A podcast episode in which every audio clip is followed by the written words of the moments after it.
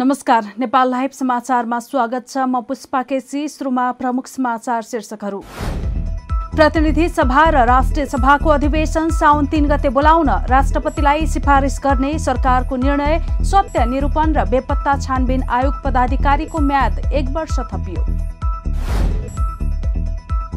संघीय संसदको अधिवेशन बोलाउने सरकारको निर्णयसँगै नेकपा एमाले शुक्रबारलाई बोलायो संसदीय दलको बैठक। वरिष्ठ नेता माधव नेपाल पक्षलाई पनि निम्तो। गाडी भाडा वृद्धिको निर्णय फिर्ता नभए आन्दोलनमा उत्रिने पाँच विद्यार्थी संगठनको चेतावनी। निवर्तमान शिक्षा मन्त्री श्रेष्ठले पदबाट विदा लिँदै गर्दा आर्थिक चलखेल गरेको आरोप। अफगानिस्तानमा मुस्लिम कट्टरपन्थी विद्रोही समूह तालिबानले बढाउँदै आफ्नो नियन्त्रण क्षेत्र कब्जा गरेको क्षेत्रमा महिलाहरूलाई पुरुष बिना बजार नजान र पुरुषलाई दारी नकाट्न आदेश। र नयाँ सम्झौताका लागि मेस्सी र बार्सिलोना बीच मौखिक सहमति। बार्सिलोना आर्थिक सङ्कटसँग जुधिरहेकाले पाँच वर्षे नयाँ सम्झौतामा मेस्सीको पचास प्रतिशत तलब कटौती हुने। अब समाचार विस्तारमा सरकारले प्रतिनिधि सभा र राष्ट्रिय सभाको अधिवेशन साउन तीन गते बोलाउने निर्णय गरेको छ। बिहिबार दिउँसो बसेको मन्त्री परिषदको बैठकले संसदका दुवै सदनको अधिवेशन साउन तीन गते आह्वानका लागि राष्ट्रपतिलाई सिफारिस गर्ने निर्णय गरेको हो। प्रतिनिधि सभाको बैठक अपरान्न चार बजे बस्ने गरी बोलाउन सिफारिस गर्ने निर्णय भएको छ। सर्वोच्च अदालतको संवैधानिक इजलासले असार अठाइस गते प्रतिनिधि सभा पुनर्स्थापनाको फैसला सुनाउँदै एक हप्ताभित्र अधिवेशन आह्वान गर्न परमादेश जारी गरेको थियो। राष्ट्रिय सभाको पछिल्लो अधिवेशन भने गत असार सत्ताइस गते सुरु भएको थियो तर राष्ट्रपतिले यही असार अठाइस गते अधिवेशन अन्त्य गरिदिएकी थिइन् त्यस्तै सरकारले सत्य निरूपण मेलमिलाप बेपत्ता छानबिन आयोग र त्यहाँका पदाधिकारीको म्याद थप गरेको छ। सरकारले यी दुवै आयोगको म्याद एक वर्ष थपेको हो। बिहिबार बसेको बैठकले आयोगको म्याद थप्ने निर्णय गरेको सरकारका प्रवक्ता ज्ञानेन्द्र बहादुर कार्कीले बताए। सम्माननीय राष्ट्रपतिज्यू समक्ष दुई हजार अठहत्तर साउन तिन गते आइतबार अपराह्न चार बजे अन्तर्राष्ट्रिय सम्मेलन केन्द्रमा प्रतिनिधि सभा र राष्ट्रिय सभाको अधिवेशन आह्वान गर्न सिफारिस गर्ने। सत्य निरूपण तथा मेलमिलाप आयोग र बेपत्ता पारिएका व्यक्तिको छानबिन आयोग तथा आयोगका पदाधिकारीहरूको कार्यविधि एक वर्ष थप गर्ने। पदाधिकारी र आयोगको कार्यविधि आयोग चाहिँ एक वर्षका लागि थप भएको छ। यस्तै दुवै आयोगको म्याद बिहिबार सकिँदै थियो। दुवै आयोग द्वन्द्वकालीन मुद्दा समाधानका लागि गठन भएका थिए। कोरोना भाइरस संक्रमण रोकथाम तथा नियन्त्रणका लागि काठमाडौँ उपत्यकामा जारी निषेधाज्ञालाई साउन दस गतेसम्मलाई निरन्तरता दिइएको छ। काठमाडौँ उपत्यकाका तीन जिल्ला काठमाडौँ भक्तपुर र ललितपुरका प्रमुख जिल्लाधिकारीहरूको बैठकले निषेधका केही प्रावधानहरूलाई थप खुकुलो बनाउँदै साउन दस गतेसम्मलाई निषेधाज्ञा जारी राख्ने निर्णय गरेको हो।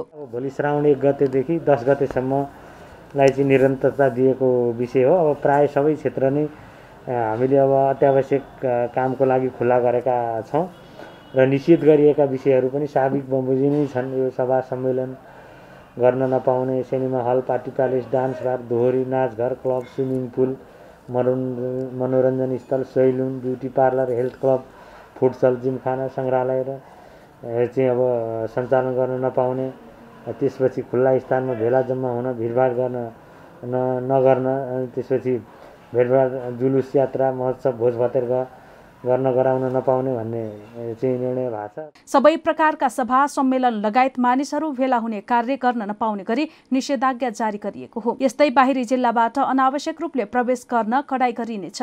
अत्यावश्यक कामका लागि काठमाडौँ आउनुपर्ने अवस्थामा अन्य जिल्लाबाट पास लिइरहनु पर्ने छैन। अबको निषेधाज्ञामा सबै प्रकारका पसलहरू बेलुका सात बजेसम्म खोल्न पाइने भएको छ भने निजी र सार्वजनिक सवारीका साधनहरू पनि साबिककै अवस्थामा सञ्चालन गर्न पाइनेछ।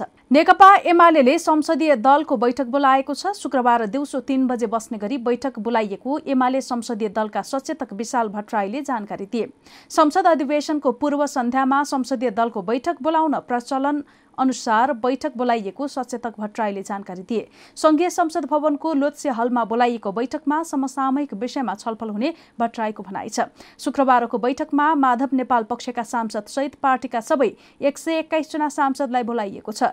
एमाले अध्यक्ष केपी शर्मा ओली प्रधानमन्त्री रहेका बेला जेठ सात गते विघटन गरिएको प्रतिनिधि सभा सर्वोच्च अदालतको अठाइस असारको फैसला अनुसार पुनर्स्थापना भएको छ। सर्वोच्चले प्रतिनिधि सभा पुनर्स्थापना गर्दै एक हप्ताभित्र अधिवेशन बोलाउन समेत परमादेश जारी गरेको थियो। सर्वोच्च अदालतको फैसलापछि एमाले अध्यक्ष ओली प्रधानमन्त्रीबाट पदमुक्त भएका छन् भने काङ्ग्रेस सभापति शेरबहादुर देउवाको नेतृत्वमा नयाँ सरकार गठन भइसकेको छ। बिपी कोइराला स्वास्थ्य विज्ञान प्रतिष्ठानका उपकुलपति सहित चारजना पदाधिकारीलाई असहयोग गर्ने भन्दै हस्ताक्षर संकलन अभियान शुरू भएको छ। प्रतिष्ठानका सल्लाहकार परिषददेखि विभागीय प्रमुख तथा कर्मचारीहरूले हस्ताक्षर संकलन गरेका हुन्। प्रतिष्ठानका सल्लाहकार परिषदका चिकित्सक कार्यकारिणी समितिका सदस्य तथा अधिकांश विभागीय प्रमुख तथा मेट्रोन लगायत त्रियानब्बे जना स्वास्थ्य कर्मी तथा कर्मचारीहरूले हस्ताक्षर गरेका छन्। प्रतिष्ठानमा भएको अनियमितताको विरुद्ध प्रतिष्ठानका कर्मचारीहरूले संयुक्त संघर्ष समिति नै बनाएर आन्दोलन गर्दै आइरहेका छन्।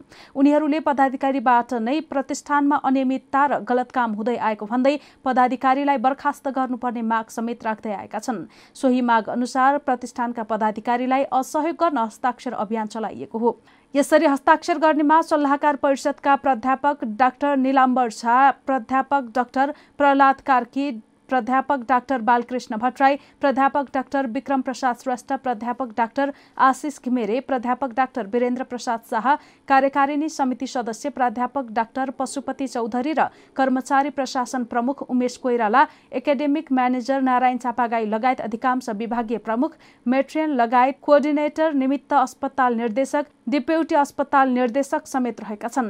उनीहरूले बिपी कोइराला स्वास्थ्य विज्ञान प्रतिष्ठान शुद्धिकरण अभियान दुई हजार अठहत्तरमा आफूहरूको पूर्ण समर्थन रहेको र अहिलेको व्यवस्थापनमा रहेर काम गर्न नसक्ने भन्दै अहिलेको व्यवस्थापनलाई बहिष्कार गरेको घोषणा समेत गरेका छन्। उनीहरूले आन्दोलनले निकास नपाएसम्म अहिलेको पदाधिकारीहरूले दिएको कुनै पनि जिम्मेवारी पूरा नगर्ने भन्दै हस्ताक्षर गरेका हुन्। उनीहरूले प्रतिष्ठानको समस्या समाधानका लागि नवनियुक्त प्रधानमन्त्री शेरबहादुर देउवालाई अडचालिस घण्टे अल्टिमेटम दिँदै वार्ता समिति गठन गर्न माग राखेका छन्। नेकपा एमालेका अध्यक्ष केपी शर्मा ओली पक्षीय राष्ट्रिय युवा संघले युथ फोर्स बेउताए लगत्तै वरिष्ठ नेता माधव नेपाल पक्षले अखिल फोर्स घोषणा गरेको छ। ओली पक्ष युथ फोर्सलाई काउन्टर दिन अखिल फोर्स घोषणा गरिएको नेपाल पक्षीय अनेरा सोब्युका अध्यक्ष सुदेश पराजुलीले जानकारी दिए। विद्यार्थी नेता तपेन्द्र जङसाहीको नेतृत्वमा पाँच सय एक सदस्यीय अखिल फोर्स घोषणा गरेको हो। यसले शैक्षिक क्षेत्रमा रहेको विकृतिको निगरानी गरेर संगठनमा जानकारी गराउने अध्यक्ष पराजुलीको भनाइ छ। पराजुलीले भने शैक्षिक क्षेत्रमा रहेको विकृति रोक्नका लागि यसले निगरानी गर्नेछ। यसअघि ओली पक्ष युवा संघले उपाध्यक्ष क्षितिज थेबेको नेतृत्वमा युथ फोर्स बेउताएको थियो। ओली पक्षले पाँच सय एक सदस्य फोर्स घोषणा गरेको थियो। नेकपा एमालेमा अन्तर सङ्घर्ष जारी रहँदा युवा विद्यार्थी संगठन भने भिड्ने अवस्थामा आइपुगेका छन्। माधव नेपालहरूप्रति आज वक्र दृष्टि लगाइरहनु भएको छ। म जोड्न चाहन्छु केपी ओलीको वक्र दृष्टिकोण न्यायालयप्रति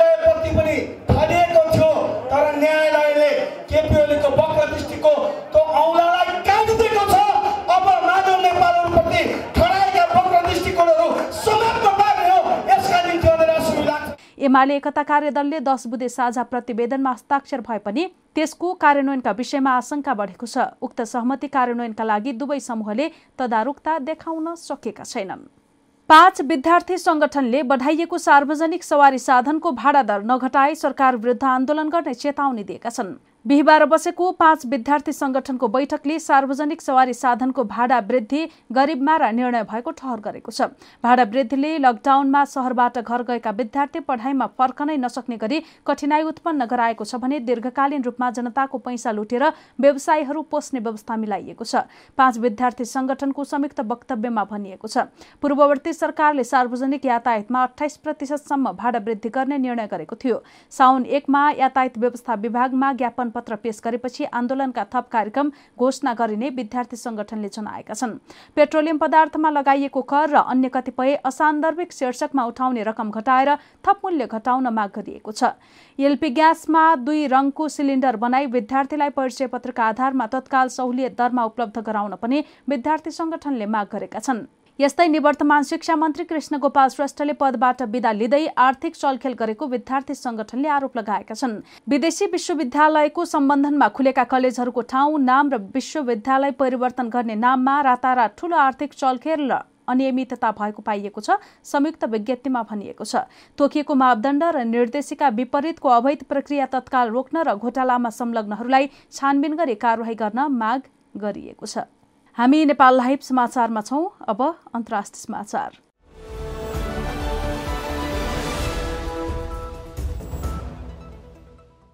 अफगानिस्तानमा मुस्लिम कट्टरपन्थी विद्रोही समूह तालिबानले आफ्नो नियन्त्रण क्षेत्र बढाउँदै गएको छ। अमेरिका र अन्य नाटो मुलुकका सैनिकहरू फर्किने अन्तिम तयारीमा रहेका बेला तालिबानले प्रभाव बढाउँदै लगेको हो। बुधबार मात्रै तालिबानहरूले पाकिस्तानसँग आउजाउ हुने महत्वपूर्ण नाका कब्जामा लिएको दावी गरेका छन्। यो सँगै तालिबानहरूले आफूले कब्जामा लिएका क्षेत्रमा सर्वसाधारणका लागि निर्देशनात्मक आदेश जारी गर्न थालेका छन्। केही समय अघि तालिबानले नियन्त्रणमा लिएको उत्तरी अफगानिस्तानको काला अफगान जिल्लामा उनीहरूले महिलाहरूलाई पुरुष आफन्त बिना बजार नजान र पुरुषहरूलाई दारी नकाट्न निर्देशनात्मक आदेश जारी गरेका थिए। स्थानीय इमामहरूलाई पत्र पठाएर यो नियमको पालना नगर्नेले कडा सजाय भोग्नुपर्ने चेतावनी दिएको समाचार संस्था एएफपीले जनाएको छ। तालिबानहरूले मानिसहरूलाई धुमपान पनि निषेध गरेका छन्। गत महिना तालिबानहरूले ताजिकिस्तानसँग जोड्ने भन्सार कब्जा लिएका थिए।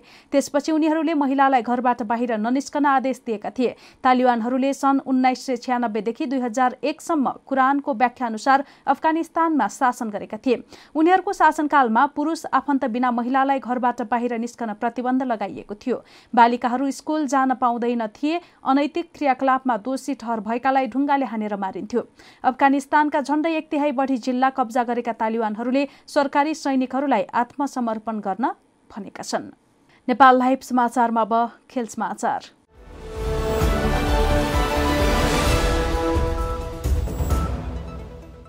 बार्सिलोनाका कप्तान लियोनल मेस्सीको क्लबसँगको सम्झौता सकिएको छ। स्ट्राइकर मेस्सीले बार्सिलोनासँग नयाँ सम्झौता गर्ने भएका छन्। अर्जेन्टिनाका कप्तान मेस्सीले बार्सिलोना पाँच वर्षे नयाँ सम्झौता गर्ने पक्का भएको गोल डट कमले जनाएको छ। नयाँ सम्झौताका लागि मेस्सी र बार्सिलोना बीच मौखिक सहमति भइसकेको बताइएको छ तर मेस्सीको पचास प्रतिशत तलब कटौती हुने बताइएको छ। क्लबको एकाडेमीमा हुर्किएका मेस्सीले बार्सिलोना बाहेक अन्य क्लबबाट खेलेका छैनन् तर मेस्सी जुन तीसबाट फ्री एजेन्ट बनेका थिए। मेस्सी क्लबसँगको सम्झौता नवीकरण नगरी कोपा अमेरिका खेल्न अर्जेन्टिना गएका थिए। उनको कप्तानीमा अर्जेन्टिनाले कोपा समेत जितिसकेको छ। बार्सिलोनाका नयाँ अध्यक्ष जोआन लापोर्टाले मेस्सीलाई क्लबमा राख्न निकै प्रयत्न गरिरहेका थिए। उनको चुनावी नारा नै मेस्सीलाई क्लबमा राख्ने रहेको थियो। बार्सिलोना हाल आर्थिक रूपमा कमजोर छ। मेस्सीलाई पुरै तलब दिएर राख्न खोज्दा बार्सिलोना घाटामा जानेछ। बार्सिलोनाले मेस्सीसँग नयाँ सम्झौता गर्नका लागि मात्र आफ्ना तीन खेलाडीलाई बेचिसकेको छ। छपटकको बालोन्डियोर विजेता मेस्सीले बार्सिलोनाबाट सबै उपाधि जितिसकेका छन्। चौतिस वर्षीय मेस्सीले दुई हजार चारमा सिनियर टिममा डेब्यू गरेका थिए। बार्सिलोनाका कीर्तिमानी खेलाडी मेस्सीले सात सय चौरानब्बे खेलमा छ सय अडसठी गोल गरेका छन्। नेपाल लाइभ समाचार सकिएको छ। समाचारको अन्त्यमा प्रमुख समाचारका शीर्षकहरू फेरि एकपटक। प्रतिनिधि सभा र राष्ट्रिय सभाको अधिवेशन साउन तीन गते बोलाउन राष्ट्रपतिलाई सिफारिस गर्ने सरकारको निर्णय सत्य निरूपण र बेपत्ता छानबिन आयोग पदाधिकारीको म्याद एक वर्ष थपियो। संघीय संसदको अधिवेशन बोलाउने सरकारको निर्णयसँगै नेकपा एमाले शुक्रबारलाई बोलायो संसदीय दलको बैठक। वरिष्ठ नेता माधव नेपाल पक्षलाई पनि निम्तो। गाडी भाडा वृद्धिको निर्णय फिर्ता नभए आन्दोलनमा उत्रिने पाँच विद्यार्थी संगठनको चेतावनी निवर्तमान शिक्षा मन्त्री श्रेष्ठले पदबाट विदा लिँदै गर्दा आर्थिक चलखेल गरेको आरोप। अफगानिस्तानमा मुस्लिम कट्टरपन्थी विद्रोही समूह तालिबानले बढाउँदै आफ्नो नियन्त्रण क्षेत्र कब्जा गरेको क्षेत्रमा महिलाहरूलाई पुरुष बिना बजार नजान र पुरुषलाई दारी नकाट्न आदेश। र नयाँ सम्झौताका लागि मेस्सी र बार्सिलोना बीच मौखिक सहमति। बार्सिलोना आर्थिक सङ्कटसँग जुधिरहेकाले पाँच वर्षे नयाँ सम्झौतामा मेस्सीको पचास प्रतिशत तलब कटौती हुने। नेपाल लाइभ समाचार आज यति नै। यसपछि नेपाल लाइभमा बहसमा काङ्ग्रेस हेर्न सक्नुहुनेछ। यस्तै हाम्रा अन्य कार्यक्रम Nepal लाइभको Facebook page YouTube channel Twitter र हाम्रो वेबसाइट नेपाल लाइभ डट कममा पढ्न र हेर्न सक्नुहुनेछ। नमस्कार।